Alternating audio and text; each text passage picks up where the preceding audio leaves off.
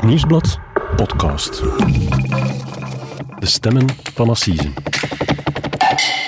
Hallo, ik ben Pieter Huibrechts, misdaadjournalist bij het Nieuwsblad. En ik ben Cedric Lagast, journalist bij diezelfde krant. En dit is onze podcast Stemmen van Assise, waarbij we voor elk belangrijk proces in een zaak duiken. En vandaag hebben we het over de dubbele moord op Jules Bogaerts en Jan Jacobs uit Tienen. Bijna 30 jaar lang is die moord een mysterie gebleven. Maar het gerecht denkt nu dat ze de moordenaar ontmaskerd hebben. Dankzij een jeansbroek.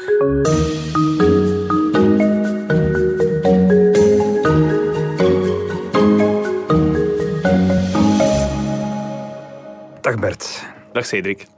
Je bent er opnieuw bij, zoals beloofd in de vorige podcast. Maar je bent niet producer, maar je staat hier opnieuw achter de microfoon. Ja, klopt. Hoe komt dat?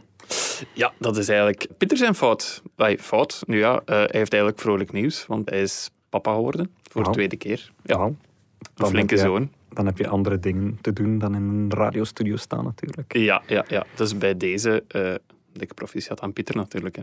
Proficiat Pieter. Ja. Maar we zijn hier voor iets anders. We zijn hier inderdaad voor iets anders. Eh, daar ga jij ons meer over vertellen, Cedric. Het gaat over een moord die in 1991 is gepleegd. En we kunnen misschien even naar een geluidsfragment luisteren. Het is in een huis in deze Reizigerstraat in Tienen dat een bejaard koppel van 81 en 78 jaar oud op 9 december 1991 op een brutale wijze om het leven wordt gebracht. Eén dag later vindt de politie de man en vrouw in een living. Hun keel is overgesneden en beide hebben ze vijf messteken in het bovenlichaam. We hoorden hier net een fragment van ROB-TV en het gaat inderdaad over een wel zeer oude moord, hè, Cedric. Een moord uit 1991. Ja, dat is wat ze een, een cold case noemen. Hè. Een, een, een oud moorddossier, een zaak waar jaren in is gezocht, maar waar nooit een dader is gevonden. Het gaat over een roofmoord allicht op een hoogbejaard echtpaar. Jules Bogaerts en Jean Jacobs, twee tachtigers uit Tienen. En op een avond in december eh, in 1991 zijn ze in hun eigen huis op een zeer brutale manier vermoord. Door bezoek, denken de speurders. Want er stonden eh, twee flesjes bier en een fles porto op tafel. En Jules ha- haalde die alleen maar boven als er bezoek was. Er moet ook iemand geweest zijn die ze kennen, denkt het gerecht. Want december, dat zijn al de donkere dagen. Jules was toen was eigenlijk een zeer wantrouwige man. Ik keek altijd zo van achter het gordijntje naar buiten als er iemand aanbelde. Eh, En hij zou eigenlijk geen vreemde mensen binnenlaten. Nee, nee, nee. Zijn er op dat moment eigenlijk al aanwijzingen, sporen naar de daders? Ja, eigenlijk wel. Hè. Eigenlijk vrij veel sporen, want de daders zijn niet echt subtiel te werken gaan. En we zeggen daders, om, dat denkt de politie ook op dat moment, omdat er twee flesjes bier staan. Ze vinden bijvoorbeeld bloedsporen van de daders in het huis. Ik denk dat ze zich dan gesneden hebben aan hun eigen mes misschien. Ehm, op die bierglazen zelf, daar staat ook DNA op van de daders. En de buren hebben ook lawaai gehoord. Ze hebben op een bepaald moment ruzie gehoord in het huis. En ze hebben zelf een vrouwenstem gehoord die riep: Zeg me waar het geld is. Op dat moment lijkt het dus wel een zaak die snel kan opgelost worden. Zijn er daarnaast nog aanwijzingen die ze later vinden? Ah, wel, ja, kleren. En, en dat is iets dat heel merkwaardig is, een heel merkwaardig verhaal. In de dagen na de moord worden er op verschillende plekken in Tienen overal kleren gevonden. Niet, niet in het huis zelf. Nee, nee, in, in de stad zelf. Dus soms zelf aan de andere kant van de stad. Bijvoorbeeld de conciërge van een flatgebouw vindt de dag na de moord op de vensterbalk van het flatgebouw mooi opgeplauwd een, een witte mannenpoel. Mhm. Hij gooit die eerst weg, maar bon, hij haalt die dan later terug uit de vuilnisbak. Een paar dagen later is er iemand die plots in zijn achtertuintje een vrouwenschoen vindt. En recht tegenover dat huis is een braakliggend terrein. En als iemand daar begint te zoeken, vinden ze daar een jeansbroek. Een dames jeansbroek. Ah, dat is opvallend, want overal verspreid in Tiene worden er kleren gevonden. Wie linkt die automatisch aan de moord? Want ja, als je een schoen ziet liggen, ga je toch niet denken ah ja, dat is van iemand die Nee. een link heeft met een Nee, moord. maar ze leggen eigenlijk heel snel de link dat die kleren iets met de moord te maken hebben, omdat er bloed op zit. En ze kunnen dat bloed onderzoeken. En dat blijkt allemaal bloed van Jules te zijn.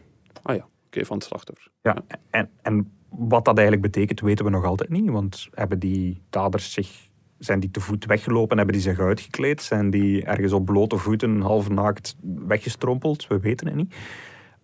Maar er is nog iets dat opvallend is? Al die kleren die blijken allemaal afkomstig te zijn uit winkels in Antwerpen. Er is maar één plek waar die verkocht worden in België op dat moment. En dat is Antwerpen.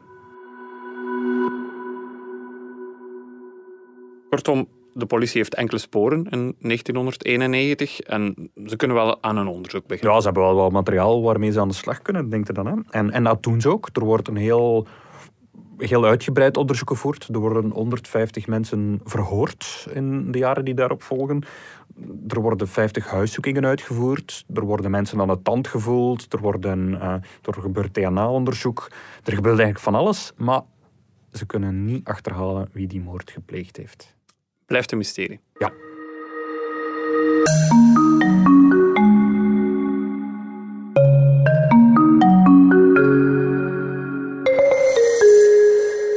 Ja, Cedric, nog even terug naar um, het koppel, naar Jules en Jean, die vermoord zijn. Zoals je daarnet zei, dat is een hoogbejaard koppel. Uh, brave mensen ook, um, die gewoon iemand op bezoek hadden. Waarom zou iemand hen willen vermoorden? Ja, dat is die eerste dagen ook de vraag. Hè. Twee tachtigers, allebei twee mensen geboren in Tienen, altijd in Tienen gewoond. Jules was een zelfstandig zetelstoffeerder geweest. Dat is iemand die zetels bekleedt. Als uw bekleding uh, uh, kapot is. Echt zijn nog een, een beroep uit, uh, ja, uit de jaren tachtig. Ja, ja, hij heeft dat 34 jaar lang gedaan. Zijn vrouw is altijd huisvrouw geweest. Ze hebben geen kinderen. Ze leiden eigenlijk een heel rustig, voorspelbaar leven. Elke avond gaan ze op hetzelfde moment gaan slapen. Op hetzelfde moment gaan de rolluiken naar beneden. Ze hebben ook altijd voor de vader van Jules gezorgd in huis. Totdat hij 100 jaar geworden is. Mm. Jules heeft eigenlijk maar één uitspatting. En dat is, op zondagochtend gaat hij naar de markt van Tienen. En daar gaat hij op café met zijn vrienden kaarten. Om een kaartje te leggen. Ja. ja. ja. En de speurder hebben eigenlijk altijd gedacht dat dit een roofmoord moest zijn. Hè. De enige reden waar ze kunnen bedenken waarom die mensen uh, moesten sterven was omwille van hun geld. Het gerucht deed eigenlijk de ronde dat ze eigenlijk wel wat centen in hadden geërfd. Ze hadden geen kinderen, ze hebben altijd zuinig geleefd. En ze zijn allebei met een mes gedood, maar, maar zeer brutaal. De wetsdokter die een lichaam onderzoekt, die ziet dat een gezicht heel erg is toegetakeld, dat ze zware slagen hebben gekregen. En op een bepaald moment zien ze zelf dat, dat die mensen levend gevild zijn geweest. Iemand heeft die gemarteld eigenlijk. En waarom? Ja. ja, waarom? Om, om te weten waar hun geld verstopt zat. Hè. Dat was wat de speurders dachten, ja. Ja, ja. Dat het een roofmoord was, dat het eigenlijk een soort van homejacking was. Anderzijds stonden nog die flesjes bier op tafel, zei je daarnet. Het moet iemand zijn die hen kende. Hè, ze zouden geen onbekenden hebben binnengelaten. Iemand die hen kende, die wist dat er geld trapen viel, maar die niet wist waar het geld verstopt zat. Was er uiteindelijk geld weg? Wel, dat dachten zij. Dus het hele huis was doorzocht. En de speurders dachten, ja, die, de moordenaars hebben het geld meegenomen. Dat ging mm. onder meer om, om, om waardepapieren, om kasbons en zo, op naam. Dus die worden ook gesigned.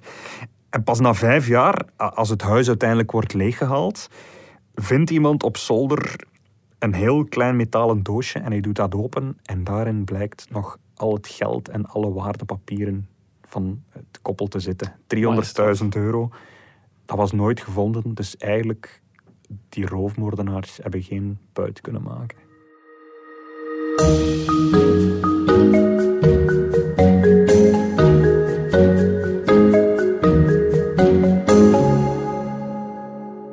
Dus Cedric, nog even om samen te vatten. In 1991 worden Jules en Jean vermoord. Ehm, hoogbejaard koppel. Uh, maar er wordt geen dader gevonden, geen daders. wordt eigenlijk ook niet helemaal opgeklaard waarom ze vermoord zijn, want uiteindelijk was het ook niet echt een roofmoord. Mhm. Ehm, maar nu, 29 jaar later, komt er toch nog een assiseproces. Ja, en dat komt omdat het gerecht een aantal jaar geleden toch een doorbraak heeft kunnen forceren, zeggen ze. Eh, het, het gerecht heeft eigenlijk een, een onderzoeker aangesteld, een speurder die alle onopgeloste moorden in, in de regio moest herbekijken ook de moord op Jules Jean. En hij neemt dat dossier vast, hij leest heel dat dossier en hij valt vooral over die kleren. Want dat is natuurlijk heel mysterieus. Iemand die al zijn kleren achterlaat in, in, in, in heel tienen. En hij zegt bij zichzelf, we hebben in der tijd natuurlijk de buitenkant bekeken. Daarop zat het bloed van de slachtoffers. Mhm. Maar wat als we nu eens naar de binnenkant van die kleren kijken? Dat konden ze in 1991 nog niet. Hij wil natuurlijk weten of er DNA aan de binnenkant van die kleren zit. En in 1991, om DNA-onderzoek te doen, had je echt nog veel organisch materiaal nodig, zoals ze dat zeggen. Bijvoorbeeld een plas bloed of een klodderspeeksel of een haartje. Ja, En, ja, en ja. nu, vandaag de dag, zijn die technieken veel verfijnd en kunnen we zelf uit, uit kleine huidschilfertjes, uit hele kleine, hele kleine deeltjes ook DNA puren. Dat konden ze nog niet. Dus hij gaat gaan kijken in de archieven, hij vindt die kleren nog, hij neemt die mee en hij vindt inderdaad een DNA-profiel. Oké, van wie is dat profiel? Wel, DNA, daar plakt natuurlijk geen naam op, maar hij ziet wel dat het een DNA van een vrouw moet zijn. Hij weet ook natuurlijk, een van die moordenaars is allicht een vrouw. Denk aan de buurman die een vrouw heeft Ja. horen roepen. Ja. Hij weet ook dat het iemand is die allicht bevriend moest zijn met, met, met het koppel. Anders waren ze niet binnengelaten, hadden ze geen, geen bier gekregen. Mhm. Dus hij stelt een lijst op met 50 vrouwen die Jules en Jean van ver of van dichtbij gekend hebben. En hij gaat bij al die 50 vrouwen langs en hij vraagt: Mag ik jullie DNA nemen om te vergelijken met wat ik in die kleren heb gevonden? En de meeste mensen zeggen ja. Alleen nummertje 11 stribbelt een beetje tegen, geeft dan toch toe. En het is een match. Samen met haar twee advocaten wacht de vrouw van ondertussen 47 de samenstelling van haar jury af. 18 was ze toen ze volgens het Openbaar Ministerie haar grootoom en groottante in 1991 heeft vermoord voor geld. Vanaf donderdag zullen zeven vrouwen en vijf mannen in de jury van haar proces zetelen. Ja, Cedric, dit was opnieuw een fragment van ROB-TV, eh, naar aanleiding van het proces dat dus eh, deze week start. Wie is nu eigenlijk die vrouw die terecht staat? De vrouw is Alinda van der Kruis. Ze is nu 47 jaar. Ze is familie van Jules Jean. Haar grootmoeder was immers een nicht van Jules. Dat maakt van haar een achternicht. En heel specifiek, ze was pas 18 jaar toen dat de moord gebeurde. Dus dat zou willen zeggen dat ze al op 18-jarige leeftijd een dubbele moord zou hebben gepleegd. Een heel brutale moord ook, hè, eh, Ja. wat je daar allemaal verteld hebt. Ja. Dus de politie komt bij haar via dat DNA-profiel. Eh, Mhm. er is een DNA-match 25 jaar na de moord. Bekent ze dan direct? Zegt ze van, ah oké, ja, jullie hebben mij. Ze ontkent tot op vandaag en ze zegt nee, ik heb dat niet gedaan. En na heel lang nadenken zegt ze ook dat ze die dag zeker niet in tienen is geweest. Maar dat ze op die bewuste dag met haar toenmalige vriendje naar een aantal films heeft zitten kijken. Ah, oké. En, en geloven de speurders dat? Want eh, ze dachten dat er twee daders waren. Misschien wordt dat vriendje dan ook verdacht. En wel, ze hebben die zeker toch lang aan de tand gevoeld. Ze hebben die inderdaad daar toch lang over ondervraagd en bekeken. Hij heeft ook DNA moeten afstaan. eh, en zijn DNA is nergens op die plek gevonden. Hij zegt zelf eigenlijk ook van ja, dat was eigenlijk niet mijn, mijn, mijn lief op dat moment. Ik kwam daar gewoon goed mee overeen, maar wij hadden geen relatie. En uiteindelijk ja, hebben ze niks gevonden dat hem aan die moord zou kunnen linken, dus hij wordt ook helemaal niet verdacht. Ja, ja, ja. Bij Alinda van der Kruisen is dat er wel natuurlijk. Hè. De, er is dat DNA op die jeansbroek. Zijn er daarnaast nog andere aanwijzingen die de speurders hebben om haar effectief te verdenken? Wel, vooral ook dat ze in Antwerpen woont natuurlijk. Hè. Dus die kleren waren daar gekocht. Ehm, haar familie is afkomstig uit Deurne. Zij woont nu in Schoten.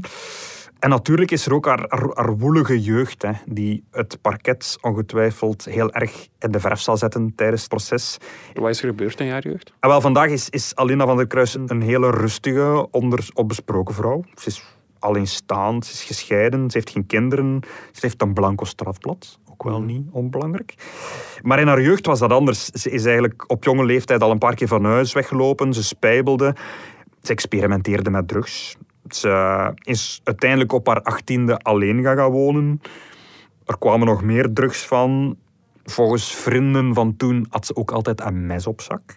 Dat is wel een interessant detail. Ja, ze heeft zelfs ook eventjes in de psychiatrie gezeten. Een, een aantal jaar na, na, na wat er in Tienen is gebeurd. En een arts zegt ergens tijdens het onderzoek over, haar, over de 18-jarige Alinda dat ze eigenlijk psychotisch ongestructureerd gedrag vertoonde. Pervers en amoreel gedrag zelf. Ja. Nu, haar advocaat zegt daarover, ja, dat bewijst niks. Het is niet Hmm. omdat je een woelige jeugd hebt, dat je daarom verantwoordelijk bent voor een moord 50 kilometer verderop. Nee, nee, nee, nee. Het is alleen nu geweten dat ze oh, rond die periode, toen ze 18 jaar was, eh, de leeftijd die ze had ten tijde van de moord, dat ze dan wel eh, ja, een woelige tijd beleefde. Ja. Dat weten we. Ja, Ja, maar ja. het belangrijkste is natuurlijk nog altijd die jeansbroek. Hè. Die Mm. jeansbroek die in, in Tienen gevonden is. Het is niet haar jeansbroek. Ah, Nee. Dus haar DNA is in die jeansbroek gevonden. Maar het is een maatje 42. Ik ben niet zo thuis in vrouwenmaten. Maar ze weegt 43 kilo. In der tijd ook al. Ze was toen ook al een slanke vrouw. Dus die broek zou haar normaal totaal niet passen. Ze zou gewoon van haar benen vallen. Ja, die zakt gewoon naar beneden. En ook die schoenen trouwens. Je weet wel, die twee damesschoenen die gevonden zijn in Tienen met Ja. het bloed op Ja, van. Jules. Ehm, daar is op haar DNA niet in teruggevonden. Maar ze passen ook niet. Het, het is een maat 40 en ze heeft veel kleinere voeten. Ja, raar verhaal toch? Hè? Want allee, er wordt dan een jeansbroek teruggevonden, eh, haar DNA zit erop, maar die past niet. Heeft ze daar dan zelf een uitleg over? Eigenlijk wel, ja, nu wel. Ze verwijst eigenlijk naar haar onkel Guy. Dat was de broer van, van haar vader. Dat was een wat opmerkelijke figuur uit Tienen. Een, een bondhandelaar die uiteindelijk failliet is gegaan. Zijn eigen familie noemt hem vandaag eigenlijk zelf een beetje een, een loesje persoon. Hij, hij reed altijd rond in een sportwagen. Hij was altijd opzichtig gekleed. Hij dronk heel veel. Hij Ja. had een alcoholprobleem. Hij verkleedde zich soms als prostituee, zegt zijn ex-vriendin. En van die oom zegt Alinda dat die haar enkele weken eerder voor haar onkel en tante vermoord zijn, dat die haar is komen ophalen. Hij wou haar meenemen naar zijn stamcafé in Tienen. Maar hij vond dat ze daarvoor te chic gekleed was. Hij noemde het zelf be- bekakt. En ze zijn eerst langs zijn huis gepasseerd. En zij moest daar van hem een aantal kleren passen. Om te- dat, wat kleren die hij wat geschikter vond om in zijn stamcafé mee aan de toog te gaan zitten. En ze zegt, ja, ik heb daar een aantal kleren gepast, een aantal broeken ook. Ehm, die waren te groot. Ik heb die dan uiteindelijk niet aangedaan om op café te gaan. Ik ben mijn, in mijn gewone kleren naar, op, op café geweest. Maar de vraag die zij nu opwerpt natuurlijk, is een van die broeken die zij daar toen aangehad heeft, de broek die dan later teruggevonden is in Tienen. Donkel Guy kan het niet meer terugvertellen, want hij is in 1995 gestorven.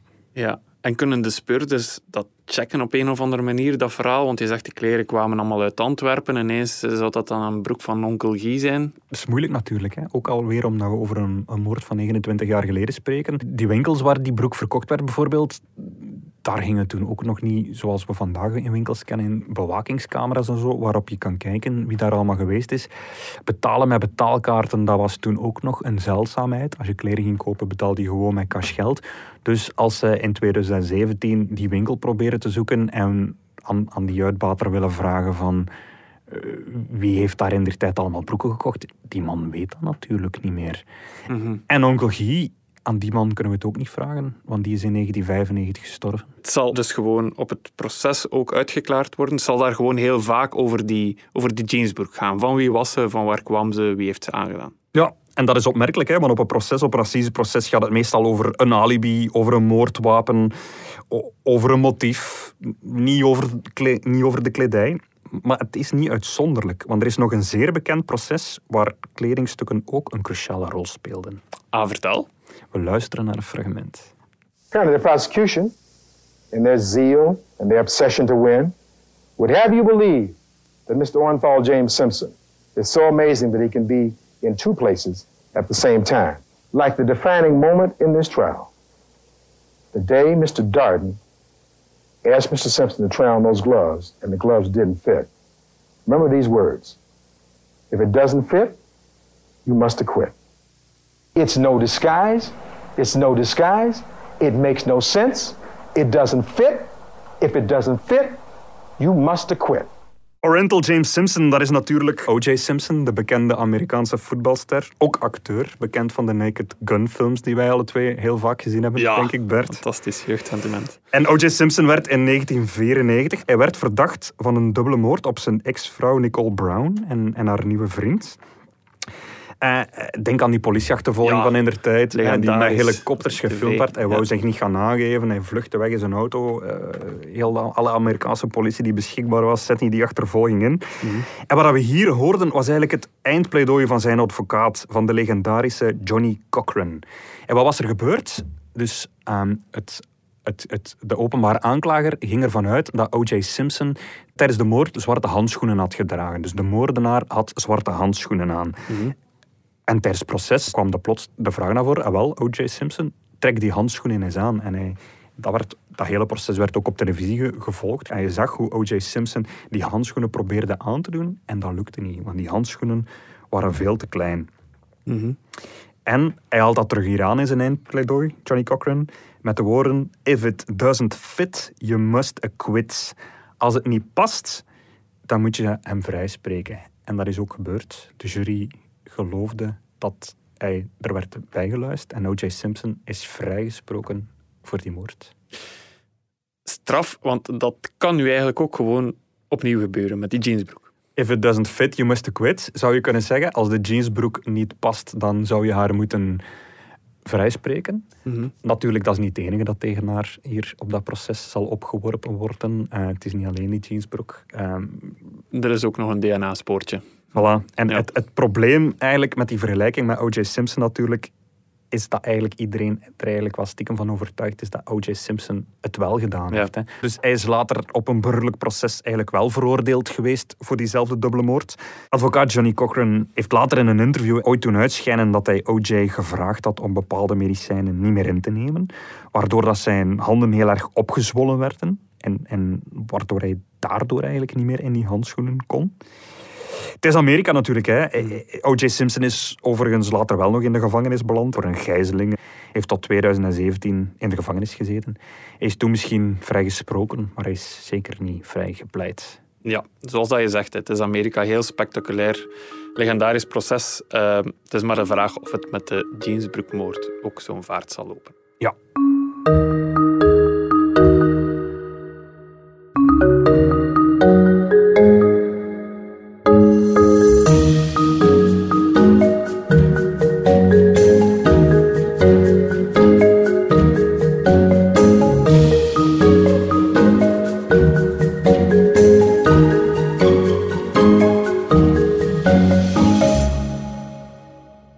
Cedric, over naar het proces dat dus donderdag start. Ja. Ehm, wie zijn de advocaten? De advocaat van Alinda van der Kruisen is meester Nick Heijnen. Een, advocaat, een Antwerpse advocaat die in Leuven kon pleiten. Hij was eerder advocaat van een dansleraar van de, van de Ketnet-reeks Like Me, die eh, veroordeeld is wegens kindermisbruik. En ook op het proces van de Kipling-erfgename Mireille Gram, die terecht stond voor de, de moordpoging op haar twee dochters, eh, was hij aanwezig. Hij was daar de advocaat van haar ex-man. En hij is ook heel even de advocaat geweest van John van den Broek, die vorig jaar voor de Pokémon-moord terecht stond in Antwerpen.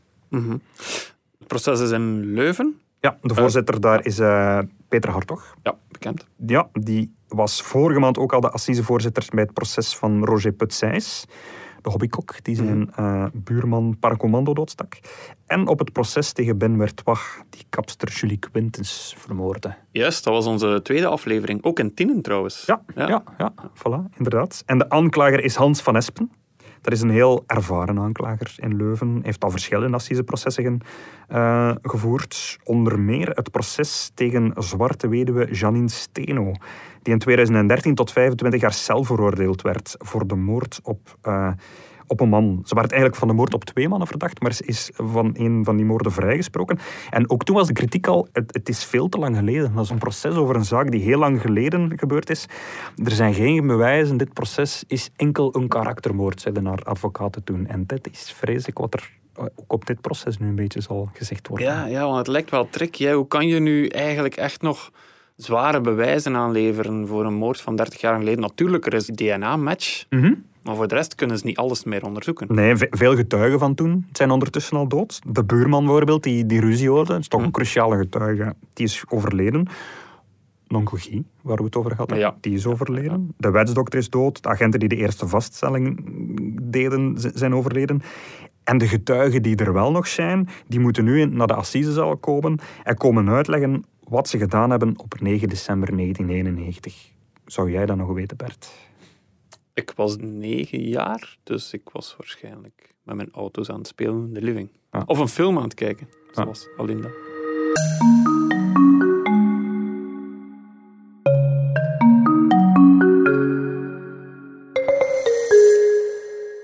Oké, Cedric. Ehm, donderdag start uh, het proces rond de jeansbroekmoord. Um, zullen we later weten hoe dat afloopt. Je gaat dat voor ons volgen. Nou, even terug naar onze vorige aflevering. Hè. De moord op uh, Steve Huipes, garagist. Je hebt mm -hmm. dat proces ook gevolgd. Ja. Um, vertel, hoe is dat gegaan? Dat was eigenlijk het proces van Fred Wittig, hè. een Duitser die terecht stond voor die moord. maar het proces ging eigenlijk vooral over zijn zoon, over Kevin Huipes, die ooit onterecht was opgepakt uh, door de politie en daardoor zeven maanden onschuldig in de cel heeft gezeten. Ja. Een van die advocaten zei dat ook in de rechtszaak. Dus eh, tijdens zo'n assiseproces ligt het hele dossier daar op een tafeltje. En hij wees mm -hmm. en hij zei van ja, 80% van heel die stapel gaat eigenlijk over Kevin Huipes, die hier niet terecht staat.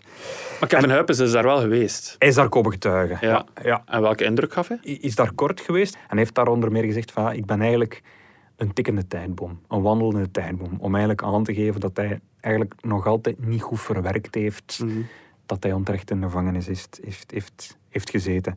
Daar is eigenlijk een, voor mij toch een heel ontluisterend beeld geschetst van een bepaalde soort autohandel in Antwerpen. Een milieu dat ik niet kende, dat zijn geen leuke jongens. Dat zijn mannen die alleen maar met een grote dikke bundels cash betalen, altijd een wapen op zak hebben, bang zijn voor afrekeningen, nooit een rug zouden draaien naar iemand die ze niet kennen. Amai. Steve Huibes bijvoorbeeld had een zekere Willy in dienst, een kale bonk van een kerel die klanten ging opzoeken die niet snel genoeg betaalden om die af te dreigen en die een beetje te dwingen om toch een rekeningen te, te betalen. Hè. Maar zoals in de films eigenlijk. Ja, ja, hm. ja. En waarom de moord gepleegd is, dat weten we nu nog altijd niet. Wittig is ook op zijn proces blijven ontkennen. Hij gedroeg zich heel parmantig. Hij weigerde te antwoorden. Hij zag er een beetje uit als Bane, de slechterik uit de Batman-films. Ik weet niet of je die kent, dat zo'n zo'n ja. kale keel, ook met zo'n mondmasker.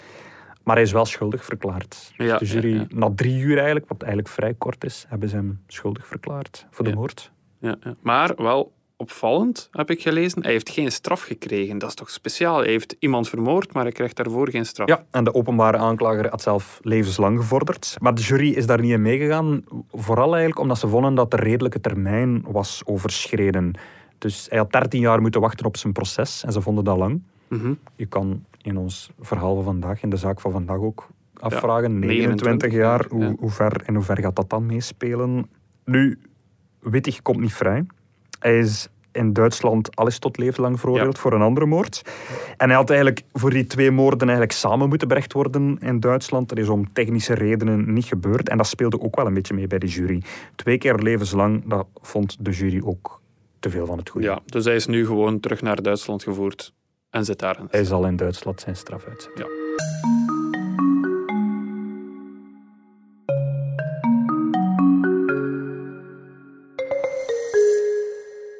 Oké, Cedric, daarmee zijn we aan het einde van de podcast gekomen. Bedankt voor je deskundige uitleg alweer. Jij bedankt om voor Pieter in te springen. Dat is graag gedaan. Waarschijnlijk zit hij hier volgende keer terug, maar we weten nog niet echt wanneer de volgende keer zal zijn. Nee, dat klopt. Ehm, ons land is opnieuw in lockdown en dat heeft ook gevolgen voor assiseprocessen. Ehm, er zijn heel veel assiseprocessen nu uitgesteld. Het probleem ligt eigenlijk vooral bij de jury-samenstelling. Het proces zelf kan redelijk veilig verlopen, maar Ja. om een jury samen te stellen moet je heel veel mensen bijeen krijgen. En dat kan niet in tijden van corona. Ja, ja, ja. Dus dat is nog even wachten tot, eh, ja, tot de regering zegt van ja, het kan weer. Ja. En dan zijn we terug. Voilà.